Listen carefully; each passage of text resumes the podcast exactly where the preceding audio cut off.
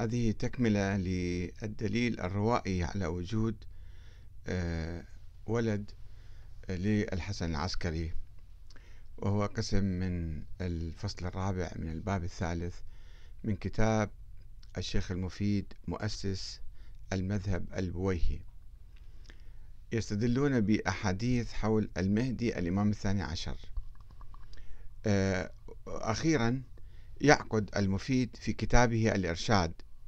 بابا فيما جاء من النص على إمامة صاحب الزمان الثاني عشر من الأئمة. ويقول قد سبق النص عليه في ملة الإسلام من نبي الهدى ثم من أمير المؤمنين ونص عليه الأئمة واحدا بعد واحد إلى أبيه الحسن ونص أبوه عليه عند ثقاته وخاصة شيعته. وينقل مجموعة أحاديث عن زرارة سمعت أبا جعفر يقول الاثنى عشر الأئمة وعن أبي بصير وعن عن أبي جعفر يكون بعد الحسين تسعة, تسعة تاسعهم قائمهم. وعن محمد بن علي بن بلال خرج إلي أمر أبي محمد الحسن العسكري قبل مضيه بسنتين يخبرني بالخلف من بعده. ثم خرج إلي من قبل مضيه بثلاثة أيام يخبرني بالخلف. وعن كميل بن زياد عن أمير المؤمنين. والله ما رغبت فيها ساعة ولكني أفكر في التاسع من ولد الحسين. هو الذي يملأ الأرض قسطا وعدلا كما ملئت ظلما وجورا. تكون له غيبة يرتاب فيها المبطلون. يا كميل لابد لله في أرضه من حجة إما ظاهر مشهور مشهور شخصه وإما باطل مغمور. لكي لا تبطل حجج الله.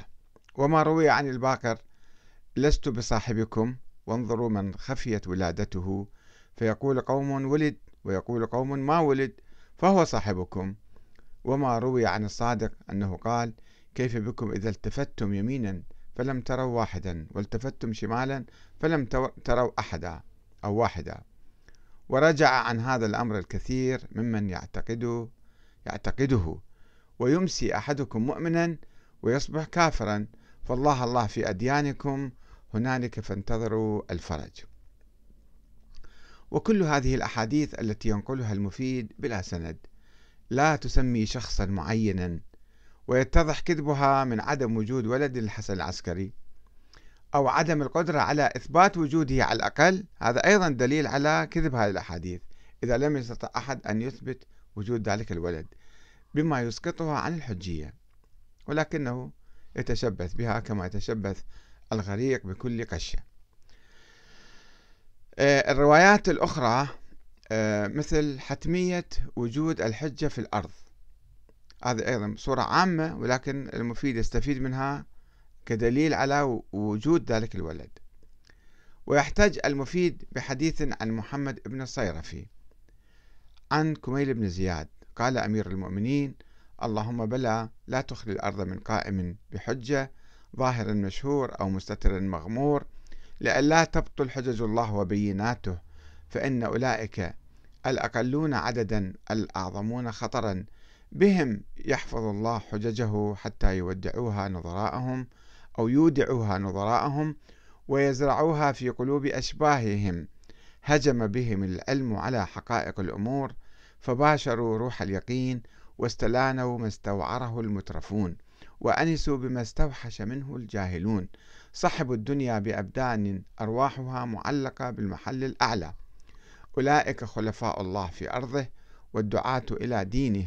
ها ها شوقا إلى رؤيتهم. وينقل المفيد في كتاب الاختصاص المنسوب إليه.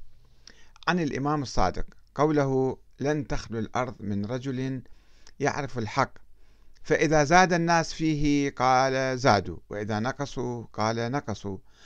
وإذا جاءوا به صدقهم ولو لم يكن ذلك كذلك لم يعرف الحق من الباطل.